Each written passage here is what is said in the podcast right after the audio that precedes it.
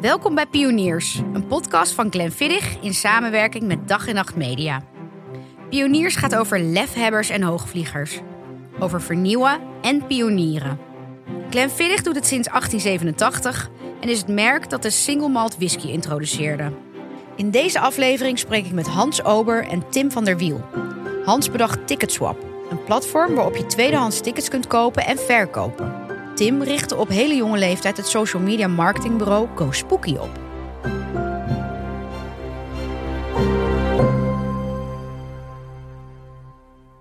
Welkom jongens, Uh, leuk dat jullie er zijn.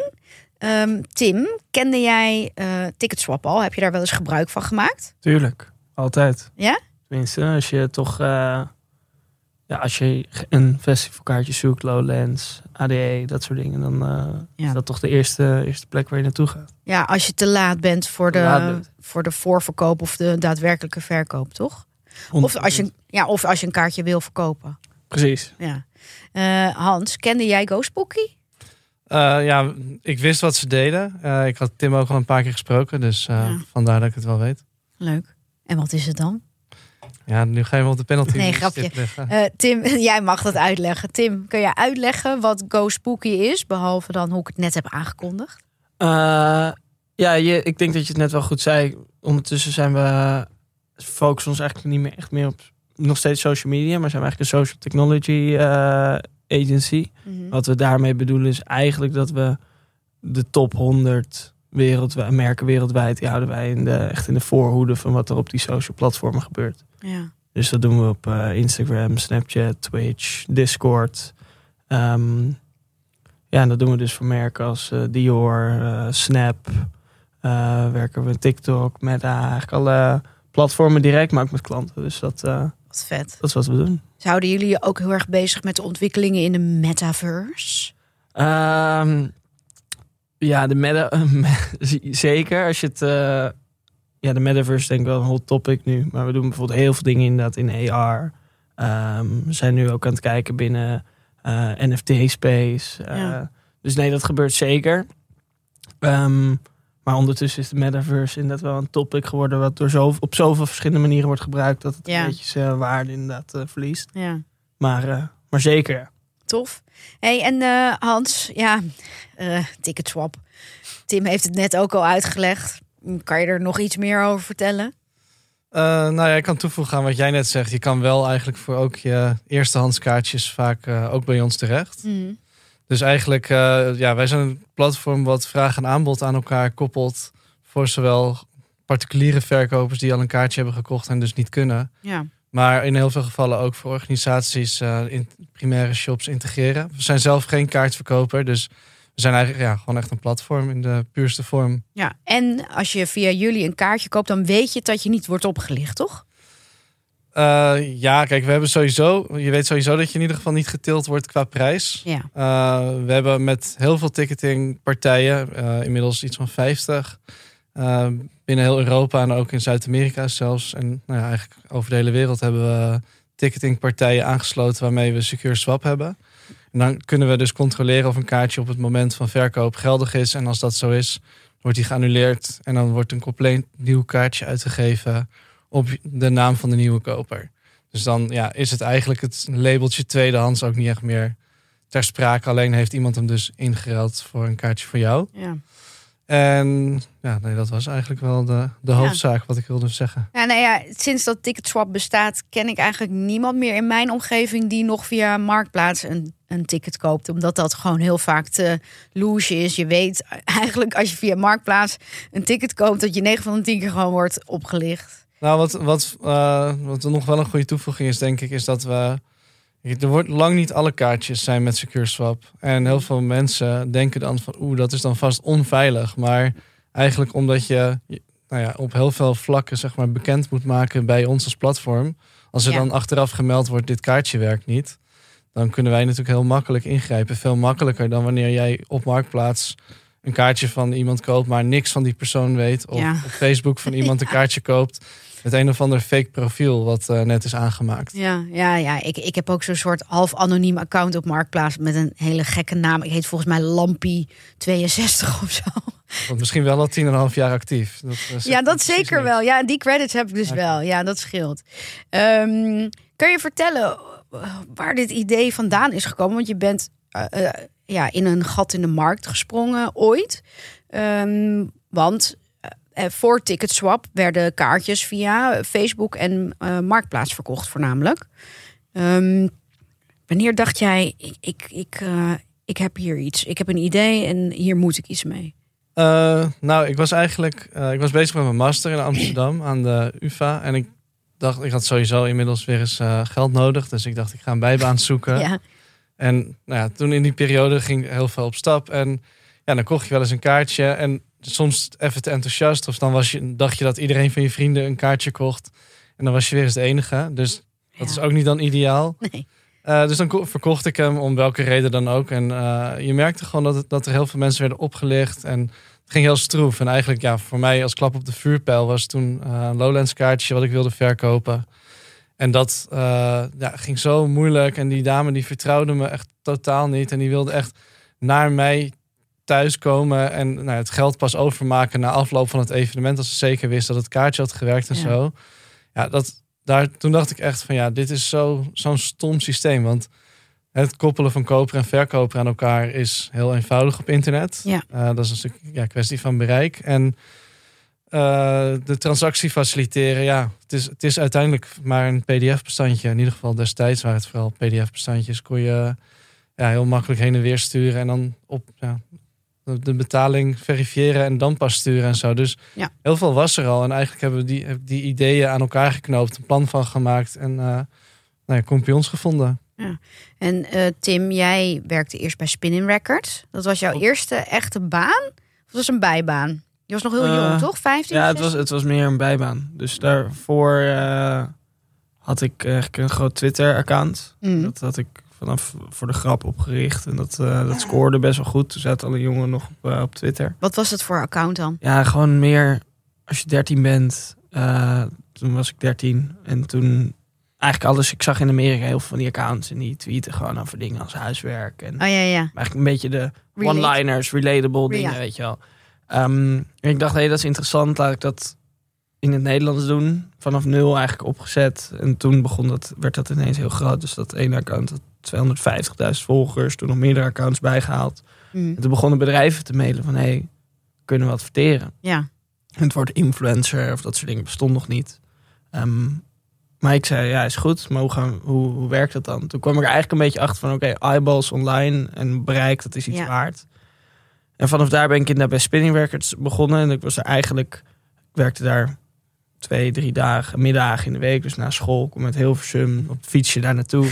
uh, en dat was echt het periode dat nou, net de grote namen een beetje werden, toen nog niet zulke grote namen werden getekend. Ja. Dus Martin Garrix, Jack, weet je wel, die zijn allemaal daar begonnen. Ja, toen zij ook echt nog eh, een jaar of wat, uh, vijf? Ja, 15, 16, ja. 17 weet je wel waren. Dus um, ik liep daar toen rond en toen werkte denk ik twintig mensen. En uh, toen gebeurde dat allemaal. En ik was eigenlijk een beetje verantwoordelijk. Ze deden heel veel op Facebook, YouTube. Maar alle andere kanalen waren niet zo bekend. Ja. Um, het werd eigenlijk gevraagd van ja, kan jij dat? Ik had daar wel ideeën over. Ga jij dat maar uitzoeken? Dus ik uh, destijds daar Snap op gezet. Eh, Instagram uh, echt aan de wieg gestaan. Um, ook alle Chinese platformen op meegekeken. Dus ben ja. pro in Google Translate destijds ook geworden. Dus, ja, dus jij spreekt nu Mandarijn ook? Ja, ik spreek vloeiend Mandarijns, ja. dus um, ja, zo eigenlijk begonnen. En toen keek ik om me heen.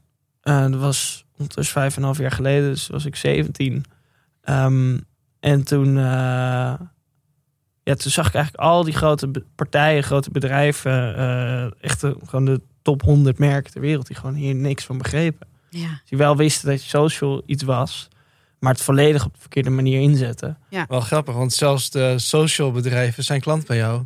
Ja. Ja, ja dus toen zijn we, en destijds, we zijn dus eigenlijk het bedrijf begonnen heel erg vanuit advieshoek. En toen merkten we eigenlijk al na een paar meetings van ja, advies gaat het niet worden, want met dit hele bedrijf. Dus toen zijn, we snapten niet, niet zo heel veel van. Dus laten we ook gewoon. Uh, um, laten we ook uh, campagnes maken, et cetera, alles eromheen. Uh, en dat is eigenlijk uitgegroeid tot ja, alle, eigenlijk alle platformen, verschillende services van strategie tot productie, code. eh, analytics. Eigenlijk alles in één huis om gewoon een merk te bouwen op social. Dat, zo moet je het eigenlijk zien. Ja, zelfs dus voor de socials zelf. Want Ja. Nee, ja, wat je, wat je zegt klopt. Dus we, we begonnen, nou, onze eerste klant was toevallig uh, ook, was was ook Lowlands. Dus daar uh, hebben Hans en ik een soort van uh, match waar bij idee. We zijn ooit, we zijn bij evenementen een beetje begonnen. Echt een evenement, een soort van real time in, op social in kaart te brengen. Um, dus daar zijn we eigenlijk mee begonnen. En vanaf daar is het eigenlijk verspreid. En nu is inderdaad, we zijn ooit gefocust op Snapchat. Dat was eigenlijk onze way in. En nu werken we ook voor de platform. Dus de platformen hebben een direct uh, Snapchat komt met stuurt eigenlijk hun klanten sturen ze naar ons toe. Ja. Uh, ze komen zelf met hun campagnes bij ons. Hetzelfde doen met TikTok. Um, ja, dus het is eigenlijk een beetje uit de hand gelopen. Ja, het is uh, basically eigenlijk als je iets wil als merk zijnde met ja, uh, uh, echt de, de, juiste doelgroepen bereiken en iets met online, wat, wat, wat ontrend is, dan moet je eigenlijk bij jullie zijn. Klopt. Het was een hele vage omschrijving, maar, maar, maar ook weer zo allesomvattend. Hoe groot is jullie bedrijf? We zitten nu met bijna 100 man. Zo. Ja, en, het, en het, het is weer heel interessant, want het verschil social gaat zo enorm rap. Ja. En als je kijkt, vijf jaar geleden waren we nog aan het uitleggen dat.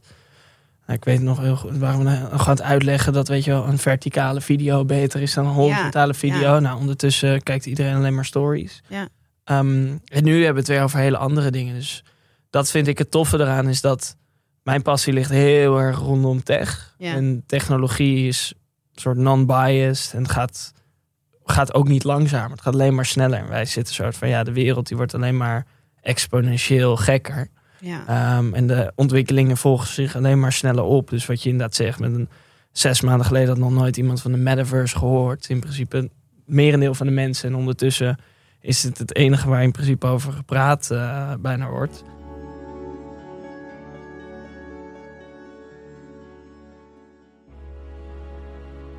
Ik zit hier met Brit Nagel en uh, Brit is de brandmanager van Glenfiddich Nederland. Hey Ginny, leuk om hier te zijn.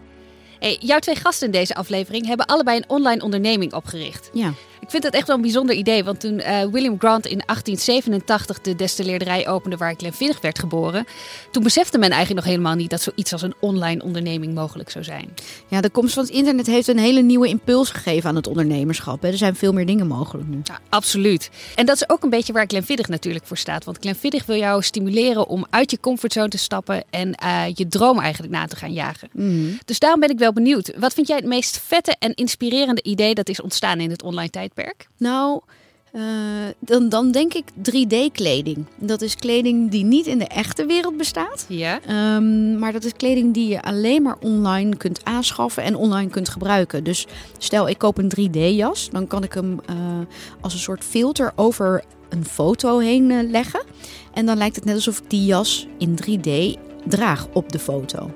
Wat vet. Ja, ja, het is allemaal heel nieuw en ook nog een beetje ingewikkeld, maar er zijn heel veel modehuizen al mee bezig. Nou, ga ik zeker even naar kijken. Nou, dankjewel Brit. Uh, terug naar Pioniers, de podcast van Glenfiddich.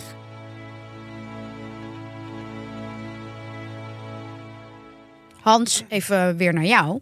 Um, je had dat dus, je had dat idee, omdat je in de praktijk erachter was gekomen dat uh, het verkopen en het kopen van kaartjes best wel omslachtig is op, op het gebied van uh, vertrouwen ook uh, voornamelijk. Uh, dat idee was er. Hoe ben je van start gegaan? Had je investering nodig of heb je het met compagnons gedaan? Nee, eigenlijk vanaf het moment dat ik het idee had, toen ben ik het plan gaan uitwerken. Heb ik mijn huisgenoot uiteindelijk met wat eerst wat tegenzin bereid gevonden nou ja, om met mij in zee te gaan. En ja, hij kwam als een package deal met zijn compagnon. Hij had al een bedrijfje, een soort van ja, agency in ja, websites, uh, appjes en dergelijke. Ja, die had je nodig. En ja, precies. Ik had precies dat nodig. En uh, grappig genoeg, hè, tot de dag van vandaag zijn zij denk ik ook wel de beste developers die ik ooit heb ontmoet. Ja. Dus daarmee ook gigantisch veel geluk gehad. En we kunnen het ook gewoon heel goed vinden. We, sluiten, hè, we zijn zeker niet hetzelfde, maar ja, sluiten heel goed op elkaar aan. En Fijn. dat uh, ja, heeft tot heel veel hele goede discussies geleid. Waar weer hele belangrijke beslissingen gewoon goed wel overwogen zijn genomen. Ja, want goede developers zijn echt altijd lastig te vinden. Vooral als je niet in de developers scene zit, bijvoorbeeld. Hè? Ja, Ehm, en ehm, ik hoor veel om me heen. En ik wil niet alle developers over één kam, kam scheren. Sorry als jullie luisteren. Maar eh, developers zijn toch wel vaak mensen die heel introvert zijn. En ehm, die zitten graag in de Matrix. ja, precies. Dus en het is fijn als je een goede match hebt. Omdat het- kan zijn dat er eh, wel eens wat wrijving is. Omdat er eh, wat onbegrip eh, ontstaat. Ja, en dat merkte je in het begin ook een beetje. Dat wij, wij waren met z'n drietjes begonnen. En ja, ik, wat kon ik nou? Eh, ik wilde het verder ook niet. Ik wilde ook niet gaan roepen van dit kan ik allemaal, want ik had het nog nooit echt bewezen.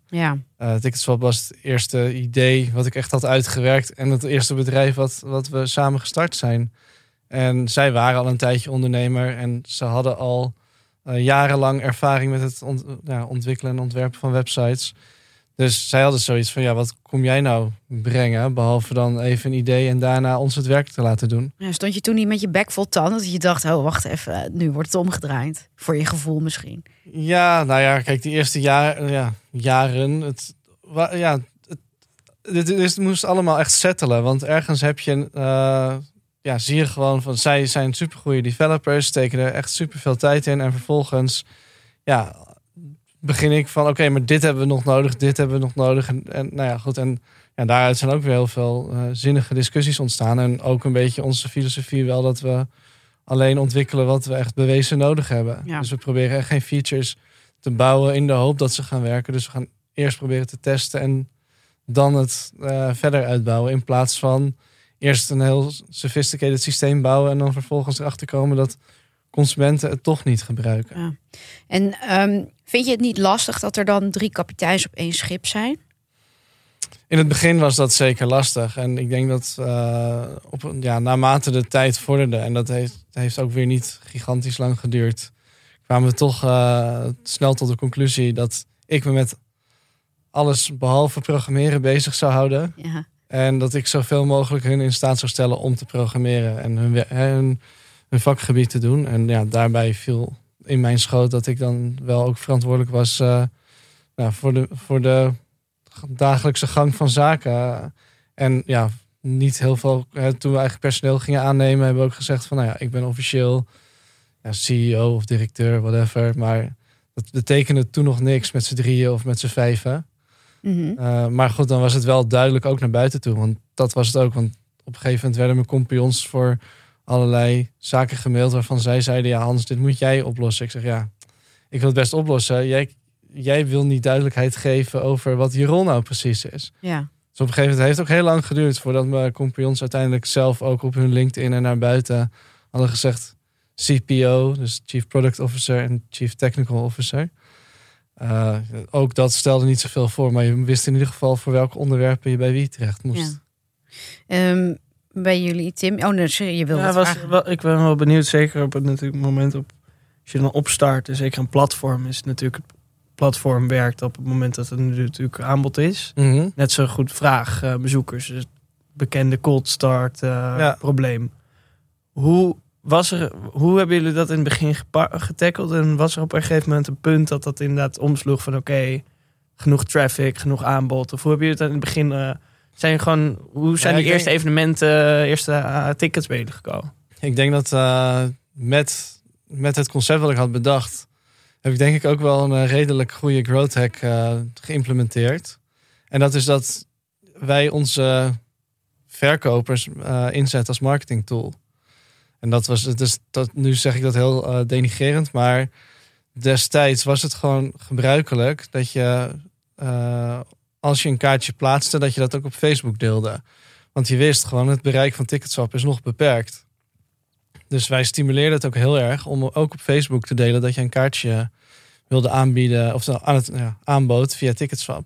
Maar met, met dat delen trok je natuurlijk niet alleen kopers voor jouw kaartje aan, ook voor het volgende kaartje. En ook verkopers die dachten, hé, hey, wat is dat? Ik ga eens checken. En zo hebben we, eigenlijk zijn we ja, heel viraal keihard gegroeid. En konden we dit zonder investeringen verder ja, uitbouwen tot eh, best wel serieuze aantallen. En eigenlijk ook zonder personeel in het begin ook. Vet. Ja, Tim, jij hebt ook een half jaar eerst geleurd met pitches die niet vielen, toch?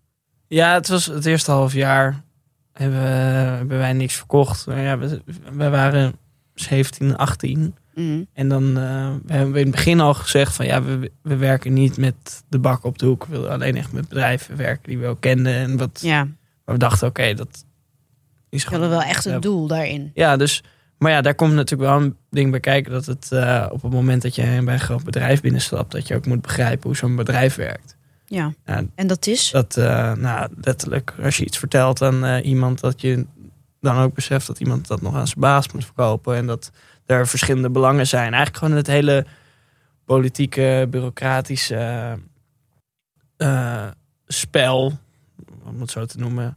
Ehm, Maar wist je dat toen ook al? Nee, daar kwam, daar kwam je natuurlijk op een gegeven moment achter. En ik denk dat wij heel in het begin.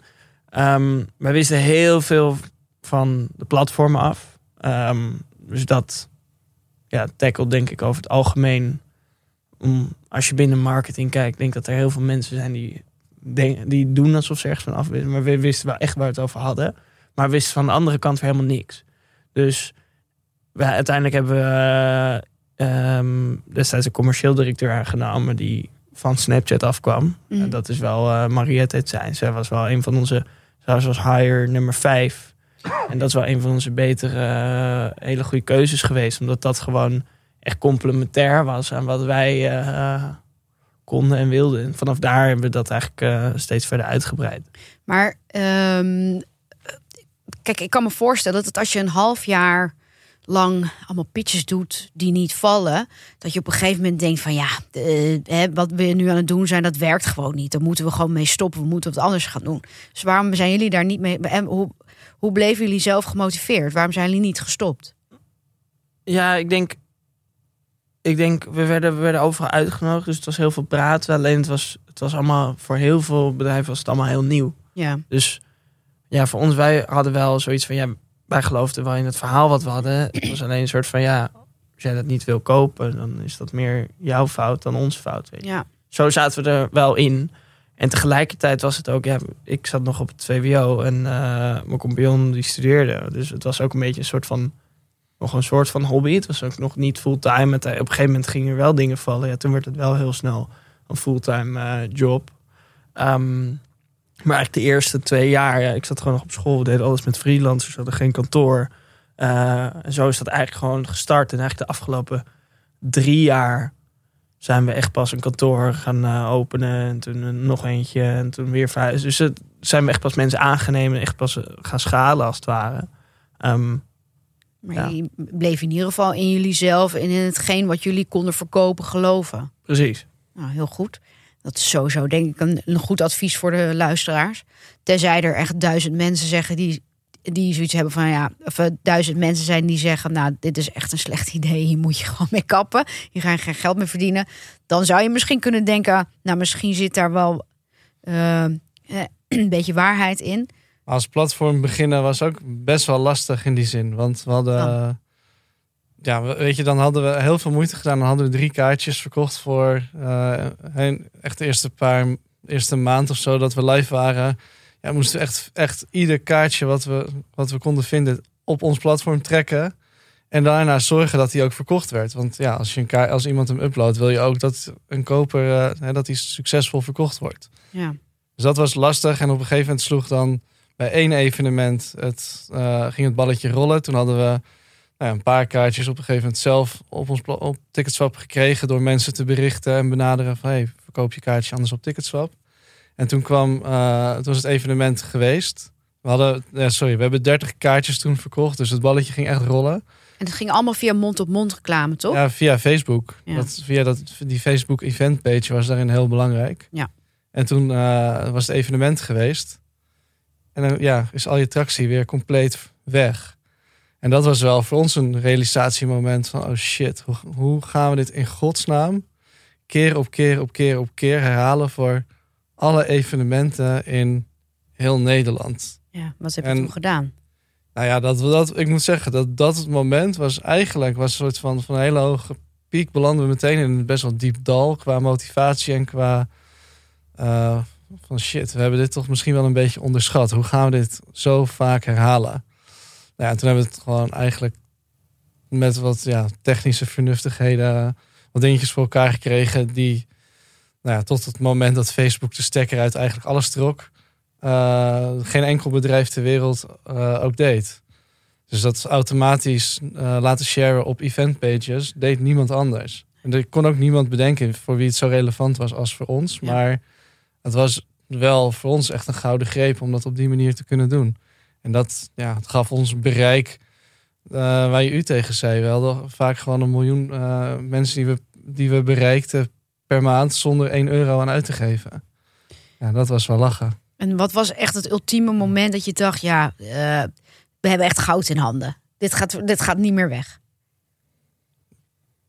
Ja, ik denk die eerste zomer wel. Wel de, de eerste festivalzomer, toen dat een beetje op gang kwam. Uh, toen zag je met eerst al, ja, toen nog Koninginnedag, wat evenementen waar, waar we dan, weet ik veel, 80 kaartjes voor hadden verkocht. En dat was voor ons echt heel veel toen. En toen ontwikkelde de zomer zich een beetje, uh, en vorderde de zomer. En toen kregen we kaartjes op ons platform van, nou ja, bijvoorbeeld Lowlands. Uh, ja, en dan is, is 10% ineens wel best wel geld. Kijk, het risico voor ons was ook best wel aanzienlijk. Want als er gezeik was, uh, moesten wij het oplossen. Of moesten kaartje. We hadden ook iemand die belde ons op. En die had helemaal geen kaartje bij ons gekocht. Maar die was wel opgelicht ergens. Ja, en die hebben we gewoon een kaartje voorgeschoten. Want we dachten, ja. ja, we willen gewoon zorgen dat hij een vette dag heeft. En dan, of nou, een weekend in dit geval. En dan zien we later wel uh, hoe het weer bij ons terecht komt. Want die had jullie huilend en in paniek en zak en as. Alles, alles staat Stond, tegelijk. Ja, en die, die, bel, die, die legde de schuld ook helemaal bij zichzelf. Want ja, welke stomkop koopt er ook langs ja. de A6 of bij AC, uh, de, AC de Graaf of wat dan ook. En, uh, nou, wat is het? Nou, bij AC Hotels een, een kaartje op de parkeerplaats en zo. Ja, ja. was ook niet, niet de beste setting. Nee, die, nou, die heeft in ieder geval geleerd van, uh, van zijn keuze. Maar ja, die zomer realiseerden we ons van, nou ja, met z'n drietjes kunnen we hier wel een, uh, ja, een, wel van leven, zeg maar. Als het, en dan helemaal als het doorgroeit, uh, dan kunnen we nog best wel een, een eind komen. Maar we, we hadden, ik heb eigenlijk mijn businessplan, wat ik mee had, ook had gemaakt, ook snel weer in de prullenbak geflikkerd. Want daar stonden cijfers in dat ik dacht, nou, voordat we dat gaan realiseren, zijn we 100 jaar verder. Ja. Ik ben eigenlijk wel benieuwd. Ik moet ze nog een keertje opzoeken. Misschien was het ook best wel accuraat eigenlijk. Nou, ik vind het een leuke opdracht uh, voor jou, Hans. Uh, Hans, is ook, uh, Hans en ik wonen heel dicht bij elkaar in de buurt. Dus ik kan zo ehm, binnenkort tegen Hans zeggen van... heb je het nog opgesnorkeld en dan, dan even met hem bespreken. Dan, nou, zeker doen. Ja, kan ik op social media delen of Hans een accurate berekening heeft gemaakt... of had gemaakt destijds, ja of nee. Um, maar um, toen kwam corona. Inmiddels bijna twee jaar geleden. Uh, nou, de evenementenbranche behoorlijk op zijn gat. Um, dat kan en jullie, ja, en jullie dus ook. Ja, nou, het was, ja, het was uh, natuurlijk best wel beangstigend dat je dit op je af zag komen. Want ja, we zagen natuurlijk in eerste instantie alle berichtgeving in China. Denk je in eerste instantie, nou, de Chinezen daar zijn, uh, doen dingen toch wel wat anders dan, dan dat wij hier in West-Europa doen. En toen op een gegeven moment ja, brak de pleuris uit in Italië. En ja. Ja, dan weet je van, oké, okay, we gaan met z'n allen gewoon keihard nat. En helemaal het beeld dat toen de ziekenhuizen uitpeilden... Ja, kon je gewoon niet aan ontkomen dat evenementen uh, nou ja, verboden zouden worden. Ja. Alleen, ja, het is afgelopen... Het, is, ja, nee, het, is dus, het was voor ons heel, heel lastig. Gelukkig kwam relatief snel, met name als je terugkijkt... relatief snel uh, kwamen alle steunpakketten en uh, hulpmaatregelen op gang. Maar ja, in die paar weken of maanden dat er nog dingen of heel veel onduidelijk was, was ja, dat was wel terror, om uh, eerlijk te zijn. Had je, had je toen zoiets van, uh, we moeten een pivot doen, om even start-up language erin te gooien. Um, dus had je zoiets van, oké, we, we moeten nu iets heel anders doen met Ticketswap om uh, de markt alsnog op de een of andere manier te te bedienen of om misschien wel een andere markt aan te boren? Of heb je zoiets nee. gehad van nou, we konden gebruik maken van de steunpakketten, dus we wachten gewoon af wat er gebeurt? Nee, we hebben, nou, we hebben in ieder geval intern was, waren er natuurlijk ook best wel wat geluiden van mensen die zeiden van ja, moeten we niet wat anders gaan doen of moeten we ons platform niet gaan inzetten voor wat anders? We hebben wel ja, een soort uh, brainstorm gedaan en gekeken van nou, iedereen kon ideeën pitchen en weet ik het allemaal. En ja kijken of er iets bleef plakken. Maar er is uiteindelijk niks blijven plakken. Ook omdat inderdaad die steunmaatregelen wel gewoon uh, op orde waren voor ons. En dat, ja, dat ging een beetje ups en downs. Maar in de basis, in over het algemeen uh, kwam, was het best, best wel uh, prima voor ons in die zin. En toen hebben we ook gewoon gezegd, ja, onze concurrenten, die ja, moeten we vanuit gaan dat die ook gewoon doorontwikkelen. Op technologisch vlak denk ik dat ticketing heel lang gigantisch uh, stil heeft gestaan en achter is gebleven met uh, heel veel ontwikkelingen. Ja. Maar je zag eigenlijk net voor corona dat er wel wat interessante dingen ontstonden. Zoals? nou, eigenlijk met name ticket, in-app ticketing, waar de tickets dan ja, in een eigen ecosysteem blijven. En dat is voor ons niet per se slecht. Alleen houdt het wel per definitie in dat wij met die partij die dan die tickets uitgeeft, of die app, uh, moeten kunnen praten. En om überhaupt tickets te kunnen verkopen. Ja, en dat, we hadden met wat partijen al gesproken. We hadden met een aantal partijen zelfs zo'n oplossing met een soort van gesloten ecosysteem uh, afgesproken om te gaan doen met bestaande ticketingpartijen en zo. Dus wij zaten er eigenlijk best wel lekker in. Qua ontwikkeling, qua mooie deals die we hadden gesloten.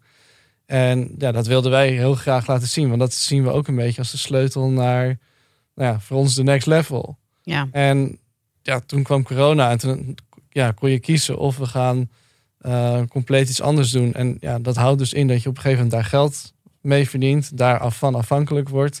Die mensen zijn daar op een gegeven moment dedicated aan. Dus dan moeten we straks allemaal mensen voor Ticketswap weer gaan opnieuw gaan aannemen om de boel weer op te starten. Dan weet je zeker dat het niet op gang komt. En wij hebben daarom gezegd van we, we ontwikkelen gewoon door. Wij geloven wel er heilig in dat evenementen terugkomen. Ik had wel gehoopt een jaar eerder. Ja, wij uh, allemaal. Maar ja, toen ja, met dat in gedachten hebben we gezegd, we ontwikkelen gewoon door. En we proberen straks er beter uit te komen. En er zijn natuurlijk ook landen uh, ja, die niet zulke steunpakketten hebben uh, geleverd aan vergelijkbare platformen of andere. Hè, wij, wij kunnen misschien er wel van gebruik maken om ook voorsprong ja. te krijgen. Er was in ticketingland is er wel is er ook heel veel verschoven en er zijn heel veel bedrijven compleet teruggetrokken uit grote markten. En nou ja, uh, Eventbrite, uh, die heeft eigenlijk alles in, in Europa zo uit zijn handen laten vallen. En zo is er best wel veel gebeurd. Dus ja, we moeten juist niet stil gaan zitten. We moesten juist door. Alleen ja, het was geen makkelijke tijd om dat te doen. Elk nadeel heeft zijn voordeel, hè Hans? We gaan het zien. Helaas moet het grootste deel van, uh, van dit plan zich nog uh, bewijzen. Ja, um, want uh, wat, is, wat is de volgende stap voor Ticketswap? Voor Hans Ober? Nou ja, voor Ticketswap zijn, hebben we, ja, wat ik zeg eigenlijk, waar we mee bezig waren, dat we, moeten we realiseren. Dat moeten, willen we heel graag snel realiseren. Um, en, is, kun je een tipje van de sluier? Uh... Nou, waar we heel erg mee bezig zijn, is om Ticketswap veel meer het startpunt voor ticketing te maken. Dus dat als jij een kaartje zoekt, uh, ja, het is best wel lastig om, te, uh, om voor een consument die vooral niet vaak naar evenementen gaat, te achterhalen waar je originele kaartjes kan kopen. Ja. En ja, wij, wij willen ook graag evenementen helpen om hun kaartjes, nou, hun kaartjes weg te verkopen. Dus door zelf een goede discovery, ja, goed discovery platform ja. te zijn. Zou uh, kunnen dat, zijn, denk ik. Kunnen dat goed maken. Wat we nou ja, goed samenwerken met die closed loop uh, systemen. Dus dat tickets helemaal niet meer in jouw handen belanden, zeg maar. Dus niet ook beschikbaar worden voor vrije handel, maar binnen een bepaald ecosysteem uh, verkocht kunnen worden. Maar dan weet je dus ook dat handel, handelaren eigenlijk meteen buitenspel staan dat als je, nou als je een kaartje koopt, dat die altijd werkt. En ook voor zo'n evenement is het wel fijn dat die hele data, uh, ja, alle data compleet is. Want je weet, ze weten dan echt wel van iedereen op het evenement uh, wie er is. Ja, de, het klinkt uh, wat mij betreft heel handig. Ook vooral als ik denk aan alle keren dat ik bijvoorbeeld van een poppodium of een uh, ik wilde zeggen muziekpaleis, maar dat ik ook weer heel oud. Um, een, een, ticket wilde kopen voor een, uh, een concert bijvoorbeeld. En dat het ook heel vaak hele slecht in elkaar zittende websites zijn waar ik voordat ik bij de, pagina ben gekomen waar ik een ticket kan kopen, dan, dan, moet ik al zoveel hordes over dat ik er eigenlijk geen zin meer in heb.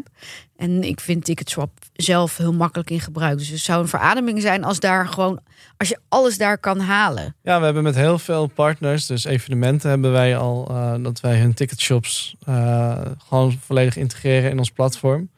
Dus dan merk je eigenlijk niet, hè, dan zie, lijkt het gewoon alsof je bij ons je kaartje koopt in, in qua gebruik en, en look en feel. Ja. Uiteindelijk koop je dus wel gewoon direct van de organisatie en dat geven we ook duidelijk aan. Maar koop je gewoon van hun een kaartje en op die manier, uh, ja, wij hebben 6,5 miljoen mensen op ons platform zitten.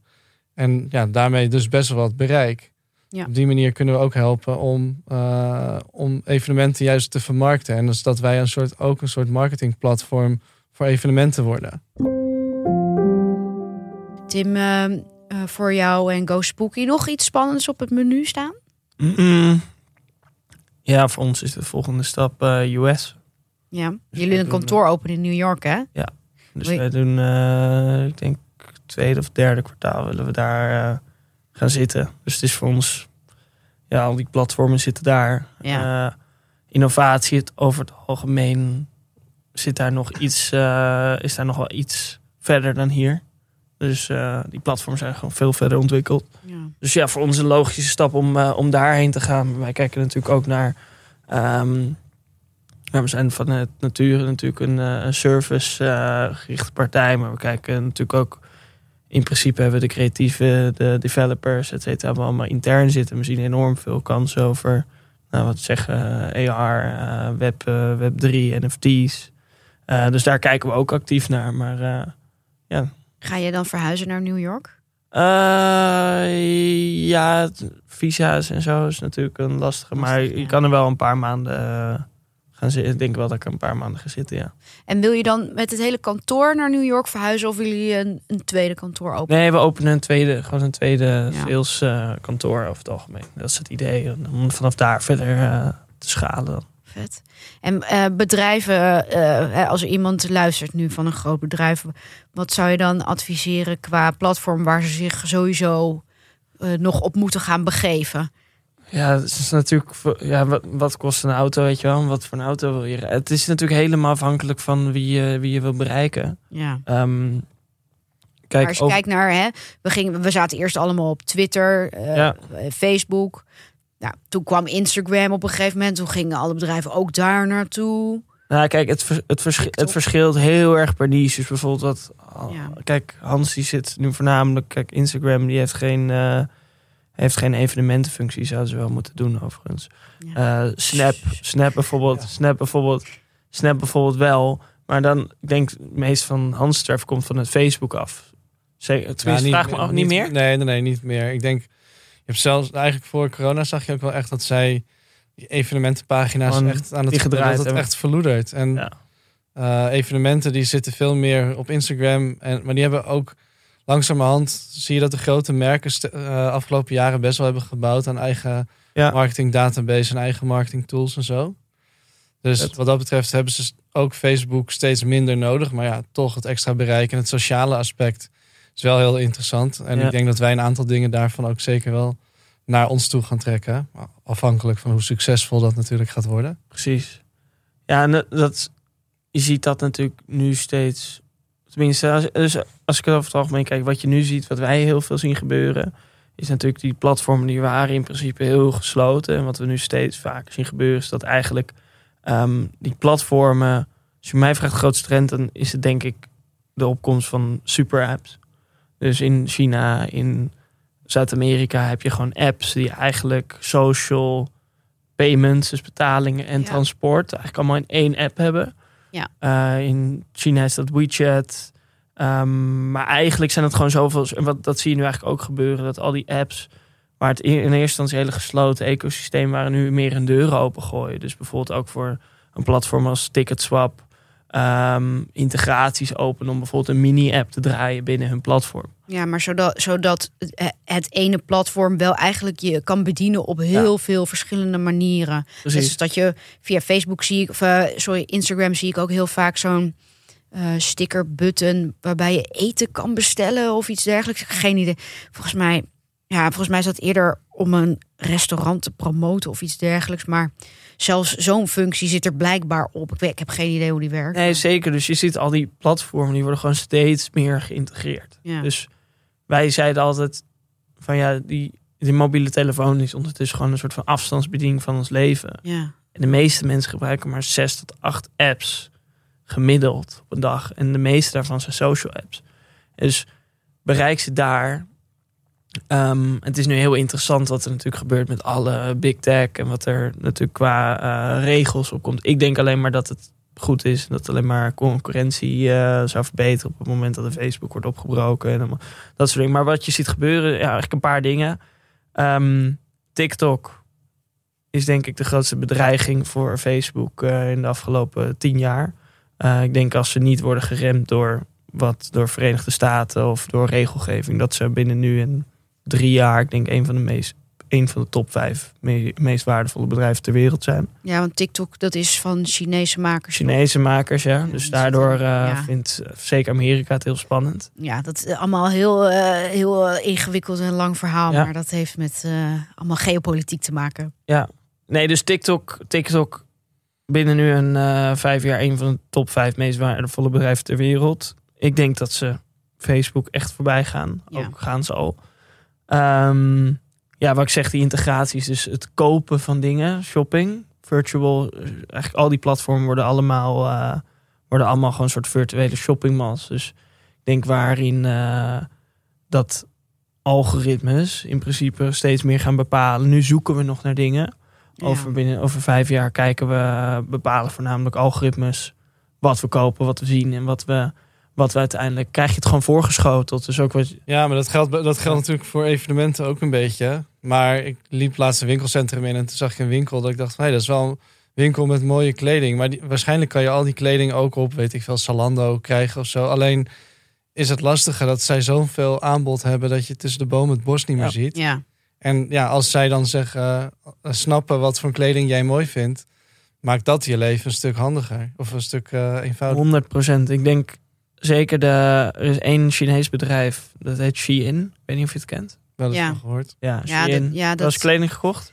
Eh, ja, oké. Ja, daar heb ik wel eens kleding Ja. gekocht. Ja, lingerie. God, klinkt echt heel kut dit. Maar ja, ik heb er wel eens misschien een BH gekocht. Oké. Ja, nou, buiten wat je er kan kopen, wat je koopt, het is voornamelijk inderdaad gericht op vrouwenkleding. Maar wat zij, dat is denk ik een van de voorbodes waar nu zijn eigenlijk, de, dan kennen we de social bedrijven en de, de techbedrijven.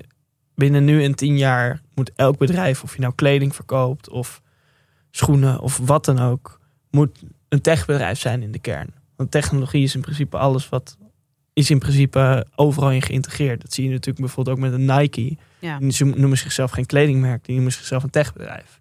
Dat is wel interessant. Zeker met nu zo'n eh, nu ze een, eh, een eh, digitaal fashionmerk Artefact hebben overgenomen. Ja, dus dat, ja, zij zien zichzelf als techbedrijf. Shein is ook een interessante, want dat is in principe Zalando.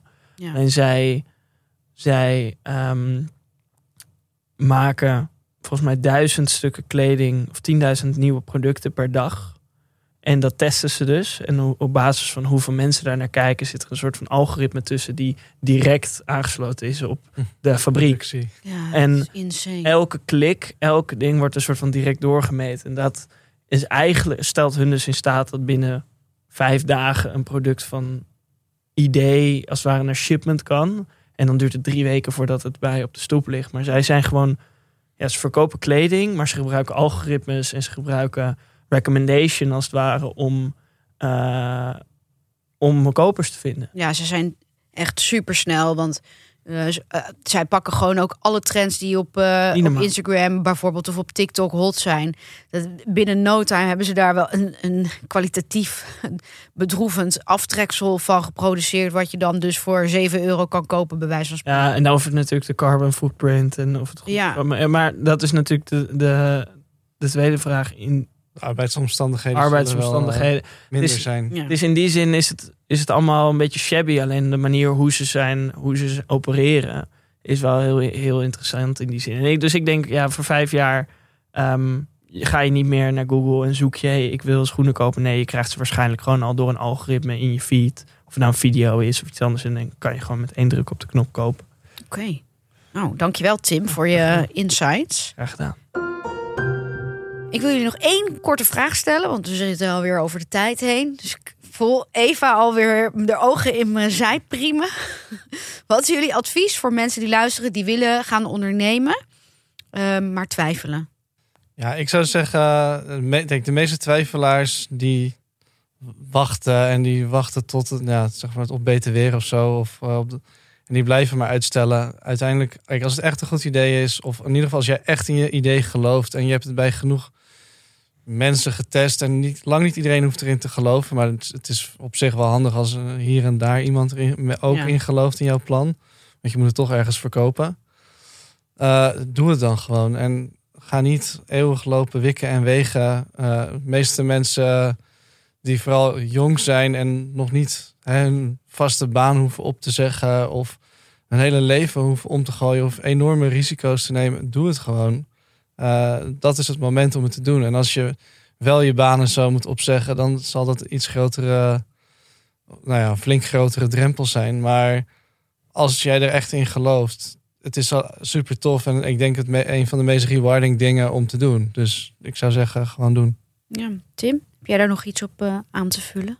Mm, ja, ik sluit me sowieso bij Hans aan met het idee van er zijn tegenwoordig gewoon geen blokkers om iets niet tot uitvoer te brengen. Dus je kan, er zijn zoveel tools en zoveel dingen. Als je een idee hebt, kan je een, met twee keer druk op de knop kan je tegenwoordig een website laten maken zonder dat je iets van hoeft te programmeren. Je kan video's maken op met je telefoon. Dus Ja. dat is het.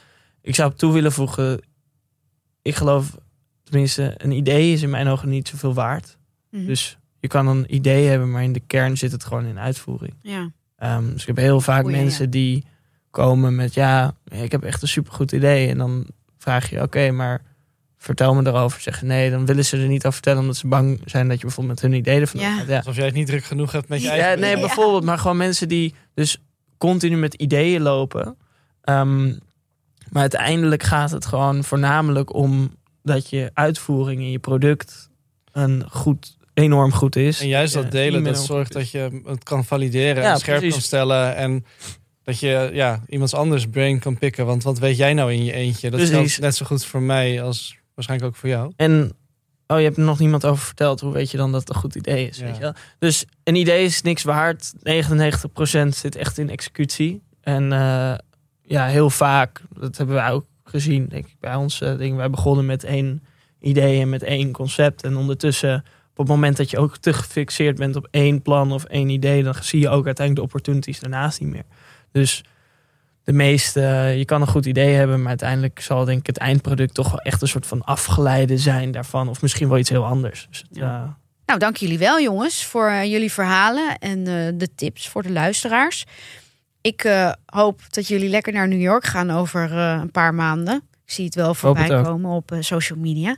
Eh, Hans, eh, voor jou, eh, eh, ik hoop dat die, event, die evenementenbranche binnenkort ook weer zijn deuren opent. Zodat mensen weer en masse hun kaartjes via Ticketswap kunnen gaan verruilen. En dat ze in de toekomst hun kaarten überhaupt eigenlijk meteen bij Ticketswap zullen gaan aanschaffen. Heel veel succes. Dankjewel. Jullie ook. thanks. Toch? Dank voor het luisteren naar Pioniers. Binnenkort zijn we terug met een nieuwe aflevering en met nieuwe pioniers. Vond je het leuk om te luisteren? Deel deze podcast dan met anderen. En laat ook vooral bij iTunes een reactie achter. Deze podcast is een productie van Dag en Nacht Media in opdracht van Glenn Viddig. Eva Essers is de redacteur, Tom Aalmoes de editor. De muziek is van Cloak en mijn naam is Ginny Ramkizoen. Leuk dat je luisterde en tot de volgende.